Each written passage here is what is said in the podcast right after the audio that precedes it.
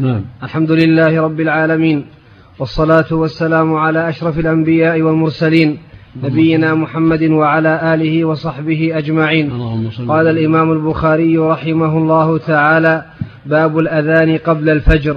حدثنا أحمد بن يونس قال حدثنا زهير قال حدثنا سليمان التيمي عن أبي عثمان النهدي عن عبد الله بن مسعود رضي الله تعالى عنه عن النبي صلى الله عليه وسلم قال لا يمنعن أحدكم أو أحدا منكم أذان بلال من سحوره فإنه يؤذن أو ينادي بليل ليرجع ليرجع قائمكم ولينبه نائمكم وليس أن يقول الفجر أو الصبح وقال بأصابعه ورفعها إلى فوق وطأطأ إلى أسفل حتى يقول هكذا وقال زهير بسبابتيه إحداهما فوق الأخرى ثم مدها عن يمينه وشماله حدثنا إسحاق قال والمعنى أن الصبح هو اللي يعتذر.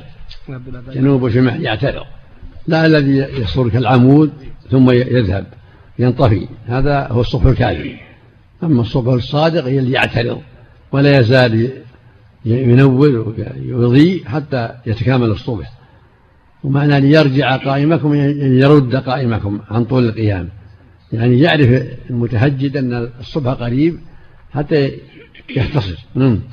حدثنا إسحاق قال أخبرنا أبو أسامة قال عبيد الله حدثنا عن القاسم بن محمد عن عائشة رضي الله تعالى عنها حدثنا حدثنا إسحاق قال أخبرنا أبو أسامة نعم. قال عبيد الله قال نعم. عبيد الله نعم. حدثنا عن القاسم بن محمد عن عائشة رضي الله تعالى عنها وعن نافع عن ابن عمر رضي الله تعالى عنهما أن رسول الله صلى الله عليه وسلم قال حاء وحدثني يوسف بن عيسى المروزي قال حدثنا الفضل قال حدثنا عبيد الله بن عمر عن القاسم بن محمد عن عائشة رضي الله تعالى عنها عن النبي صلى الله عليه وسلم أنه قال إن بلالا يؤذن بليل فكلوا واشربوا حتى يؤذن ابن أم مكتوم باب كم بين الأذان والإقامة ومن ينتظر الإقامة حدثنا إسحاق الواسطي قال. حدثنا إسحاق الواسطي قال حدثنا خالد عن الجريري عن ابن بريدة عن عبد الله بن مغفل المزني رضي الله تعالى عنه أن رسول الله صلى الله عليه وسلم قال بين كل أذانين صلاة ثلاثا لمن شاء. حدثنا محمد وهذا يدل على شرعية الصلاة بعد بين أذان المغرب وصلاة المغرب وأذان العشاء وصلاة العشاء. ولمن شاء لئلا يعتقد السامعون أنها واجبة. واللفظ الآخر صلوا قبل المغرب صلوا قبل المغرب ثم قبل لمن شاء. حتى يعلموا أنها غير واجبة. نعم. صلى الله عليه خصص بين الأذان العصر والمغرب وقت نهي. نعم. أقول بين كل أذانين العصر والمغرب. بين كل أذانين يعني الإقامة هذا مقصود الأذان والإقامة. نعم العصر ما هو داخل. الأذان والإقامة. نعم هذا مراد نعم حتى ينتبه الناس لقرب الفجر. من خصصه برمضان نعم. في رمضان وفي غير رمضان نعم.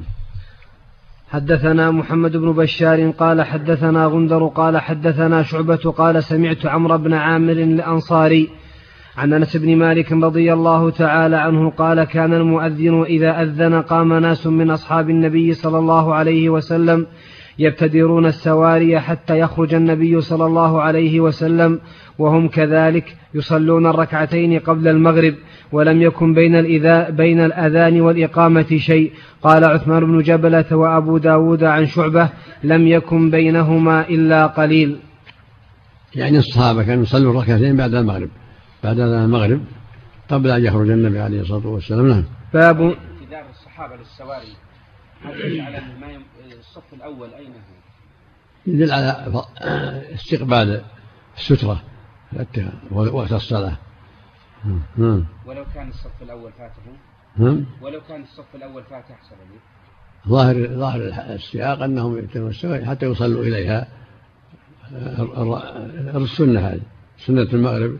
السنة اللي بين الأذانين بين الأذان والإقامة؟ نعم. الله إليك إذا وجد سترة في الصف الثاني وفي الصف الأول فرجة لا سترة فيها. أيهما المقدم؟ صلي في محله. أو صلي في محله والحمد لله. نعم. في الصف الأول في الأول وسام في الثاني في الثاني. السورة السترة ما واجب مستحبة. وإذا كان لا, لا يخشى شيء الأمر واسع. لكن ما يخشى مرور أحد. نعم. بارك الله فيكم إمام. يقول أرحنا بها بدل أقم الصلاة. نعم الإمام يقول بعد أقم الصلاة أرحنا بها بدل أقم الصلاة لا يستعمل أقم الصلاة. قالها النبي صلى الله عليه وسلم في بعض الأحيان أرحنا بالصلاة يعني إذا دخلنا فيها استرحنا. أرحنا بها يعني إذا دخلنا فيها استرحنا. مو أرحنا منها أرحنا بها. فالصلاة والصلاة مريحة. يستريح فيها بارك الله فيك. يستريح فيها المؤمن. نعم. يقول ولا ينكر عليه. ما في بأس. قالها النبي صلى الله عليه وسلم في بعض الصلوات. نعم. قال أرحنا بها بلال. نعم. باب من انتظر الإقامة. حدثنا أبو اليمان قال أخبرنا شعيب عن الزهري قال أخبرني عروة بن الزبير أن عائشة رضي الله تعالى عنها قالت كان رسول الله صلى الله عليه وسلم إذا سكت المؤذن بالأولى من صلاة الفجر قام فركع ركعتين خفيفتين قبل صلاة الفجر بعد أن يستبين الفجر ثم اضطجع على شقه الأيمن حتى يأتيه المؤذن للإقامة نعم. باب بين كل أد... عن عائشة نعم. عن عائشة. عن عائشة رضي الله تعالى عنها قالت كان رسول الله صلى الله عليه وسلم إذا سكت المؤذن بالأولى من صلاة الفجر قام فركع ركعتين خفيفتين قبل صلاة الفجر بعد أن يستبين الفجر ثم اضطجع على شقه الأيمن حتى يأتيه المؤذن للإقامة. الأولى يعني الدعوة الأولى يعني الأذان. نعم. باب بين كل أذانين صلاة لمن شاء. حدثنا عبد الله بن حدثنا عبد الله بن يزيد قال حدثنا كهمس بن الحسن عن عبد الله بن بريدة عن عبد الله بن مغفل رضي الله تعالى عنه قال قال النبي صلى الله عليه وسلم بين كل أذانين صلاة بين كل أذانين صلاة. ثم قال في الثالثة لمن شاء. نعم. باب من قال ليؤذن في السفر مؤذن واحد. حدثنا معل بن أسد قال حدثنا وهيب عن أيوب عن أبي قلابة عن مالك بن الحويرث رضي الله تعالى عنه قال أتيت النبي صلى الله عليه وسلم في نفر من قومي فأقمنا عنده عشرين ليلة وكان رحيما رفيقا فلما رأى اللهم صل عليه وسلم. فلما رأى شوقنا إلى, أه... إلى أهالينا قال ارجعوا فكونوا فيهم وعلموهم وصلوا فإذا حضرت الصلاة فليؤذن لكم أحدكم وليؤمكم أكبركم. هذا يدل على أنه ينبغي لأهل العلم من طلبة العلم أن يجتهدوا في تعليم أهليهم وتوجيههم وإرشادهم لأن قد ارجعوا إلى أهلكم فعلموهم. فالذي يتعلم يعلم أهله ويرشد أهل بيته ويوقههم مما علمه الله. وإذا حضرت الصلاة في السفر صلوا جماعة. يؤمهم أقرأهم ويؤذن لهم أحدهم. نعم.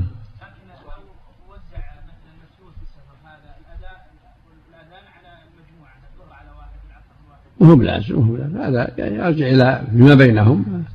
إذا أذن واحد منهم كفى. الحمد لله. نعم. شيخ أحسن الله إليك اللي يقول بأن الاستراحة خاصة بالرسول لما كبر. ألا نعم. يرى من قال بأن جلسة الاستراحة خاصة بالكبير؟ لا لا. من صفة الصلاة من صفة الصواب أنها من صفة الصلاة. نعم. للصغير والكبير. نعم. أحسن الله عليك في البيت إذا صلى سنة الفجر إذا صلى سنة الفجر يضطجع كان إمام حتى يأتي المؤذن يؤذنه أو حتى يأتي الوقت اللي اعتاد فيه ثم يقوم.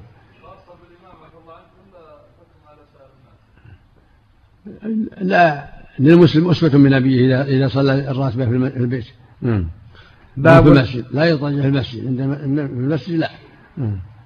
باب الأذان للمسافر إذا كانوا جماعة والإقامة وكذلك بعرفة وجمع وقول المؤذن الصلاة في الرحال في الليلة الباردة أو المطيرة. حدثنا مسلم بن إبراهيم قال حدثنا شعبة عن المهاجر أبي الحسن عن زيد بن وهب عن أبي ذر رضي الله تعالى عنه قال كنا مع النبي صلى الله عليه وسلم في سفر فأراد المؤذن أن يؤذن فقال له أبرد ثم أراد أن يؤذن فقال له أبرد ثم أراد أن يؤذن فقال له أبرد حتى ساوى الظل التلول. فقال النبي صلى الله عليه وسلم إن شدة الحر من فيح جهنم. اللهم صل على وسلم يعني ولو في السفر. السنة الإبراد بالظهر عند شدة الحر ولو ولو في البر. نعم. حدثنا محمد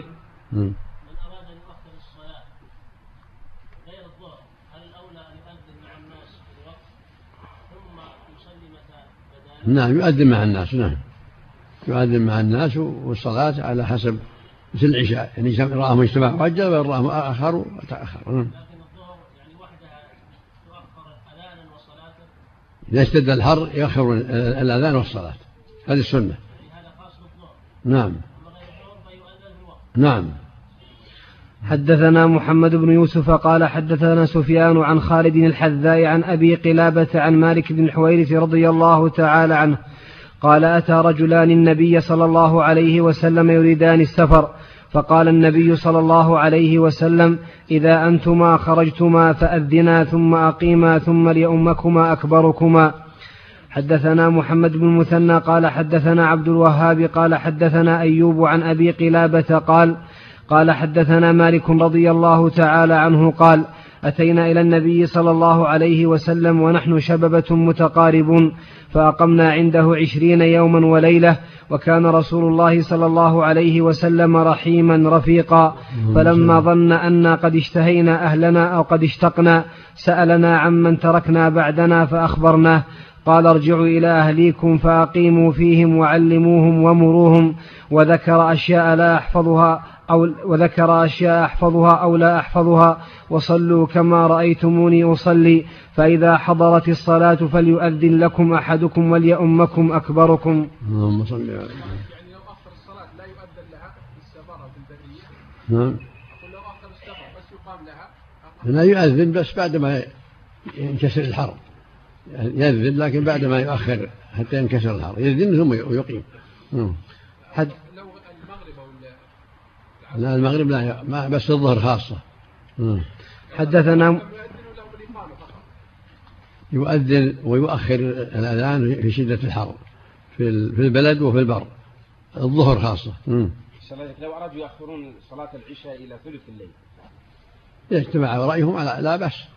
نعم لا حرج. والأذان مع الناس. نعم والأذان مع الناس. والأذان مع الناس. نعم أحسن الله إذا كان يسير نعم. كان يمشي. نعم. مسافر. أبو موقف مؤخر الصلاة. لا لا ولو نازل. هم بالخيار إذا أخروا العشاء لا بأس. في البلد وفي السفر. نعم. شيخ صلى الله عليك نعم. ما نزل إلا متأخرا إذا كان مع قومه في السفر هو أذانهم بأيديهم. نعم, نعم. امرأة صالحة في البلد لا يخالف الناس. نعم. امرأة, نعم. امرأة صالحة تعودت أن تؤخر صلاة العشاء. فنهاها بعض أهل العلم وقال التأخير خاص بالرجال لأن فيه مشقة عليهم. وأما النساء فالحكم واحد. أحسن الله نعم. حدثنا مسدد قال أخبرنا يحيى عن عبيد الله بن عمر قال حدثني نافع قال أذن ابن عمر رضي الله تعالى عنهما في ليلة باردة بضجنان ثم قال صلوا في رحالكم فأخبرنا أن رسول الله صلى الله عليه وسلم كان يأمر مؤذنا يؤذن ثم يقول على إثره ألا صلوا في الرحال في الليلة الباردة أو المط... ألا صلوا في الرحال في الليلة الباردة أو المطيرة في السفر نعم. حدثنا إسحاق قال أخبرنا جعفر بن عون قال حدثنا أبو العميس عن عون بن أبي جحيفة عن أبيه رضي الله تعالى عنه قال رأيت رسول الله صلى الله عليه وسلم بالأبطح فجاءه بلال فآذنه بالصلاة ثم خرج بلال بالعنزة حتى ركزها بين يدي رسول الله صلى الله عليه وسلم بالأبطح وأقام الصلاة. اللهم صل على قول النبي صلى الله عليه وسلم لأمكم أكبركم. لأنهم متقاربين شبابه متقاربون في العلم في العلم والفضل فقال أكبركم مثل ما قال في الرواية. وكنا شباب متقاربين. كلهم مهاجرون كلهم شبابه باب هل يتتبع المؤذن فاه ها هنا وها هنا وهل يلتفت في الأذان ويذكر عن بلال رضي الله تعالى عنه أنه جعل إصبعيه في أذنيه وكان باب, باب باب هل يتتبع المؤذن فاه ها هنا وها هنا نعم. وهل يلتفت في الأذان ويذكر عن بلال رضي الله تعالى عنه أنه جعل إصبعيه في أذنيه نعم. وكان ابن عمر رضي الله تعالى عنهما لا يجعل إصبعيه في أذنيه وقال إبراهيم لا بأس أن يؤذن على غير وضوء وقال عطاء الوضوء حق وسنة وقالت عائشة رضي الله تعالى عنها كان النبي صلى الله عليه وسلم يذكر الله على كل أحيانه يعني لا بأس أن يؤذن على غير وضوء. ولهذا احتج بقول عائشة يذكر الله على كل أحيانه. حديث لا يؤذن إلا متوضي ضعيف. فإذا أذنه على غير وضوء فلا لا حرج. وإذا تيسر الوضوء فهو أفضل نعم. والجنوب كذلك. الأذان يصح من الجنوب والمحدث.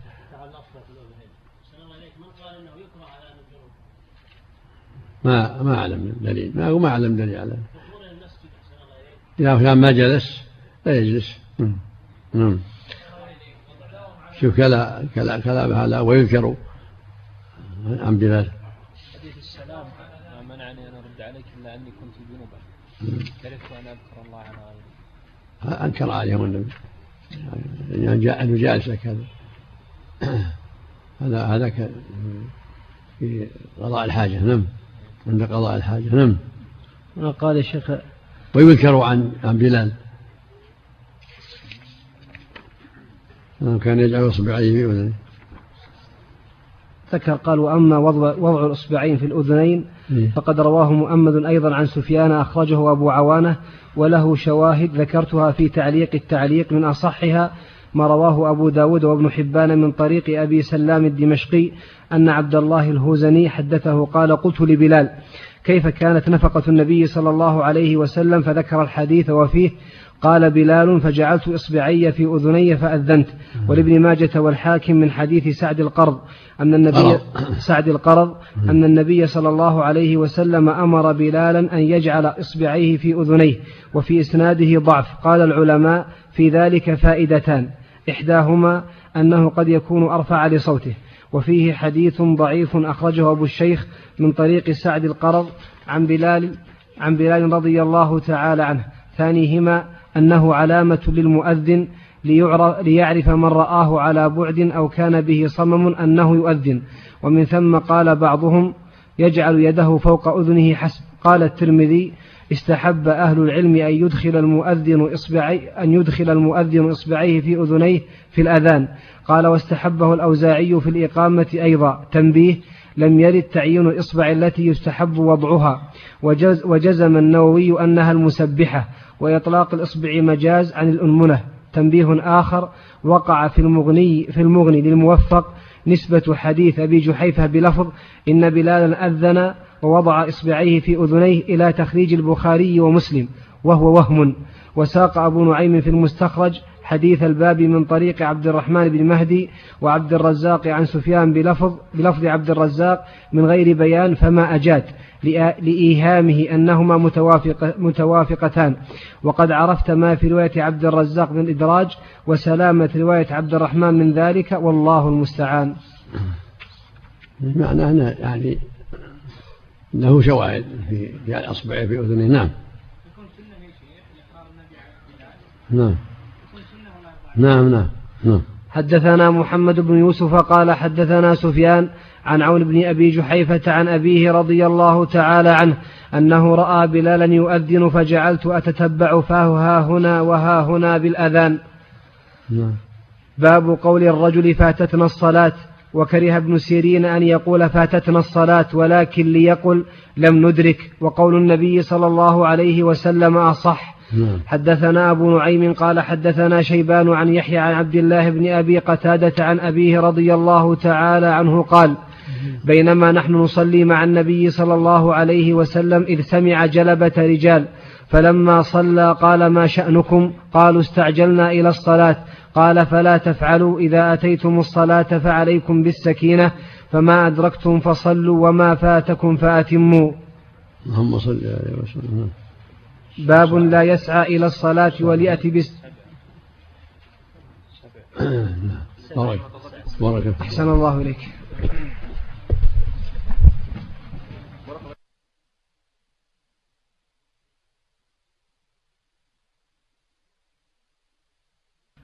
نعم. بسم الله الرحمن الرحيم. الحمد لله رب العالمين والصلاة والسلام على أشرف الأنبياء والمرسلين نبينا محمد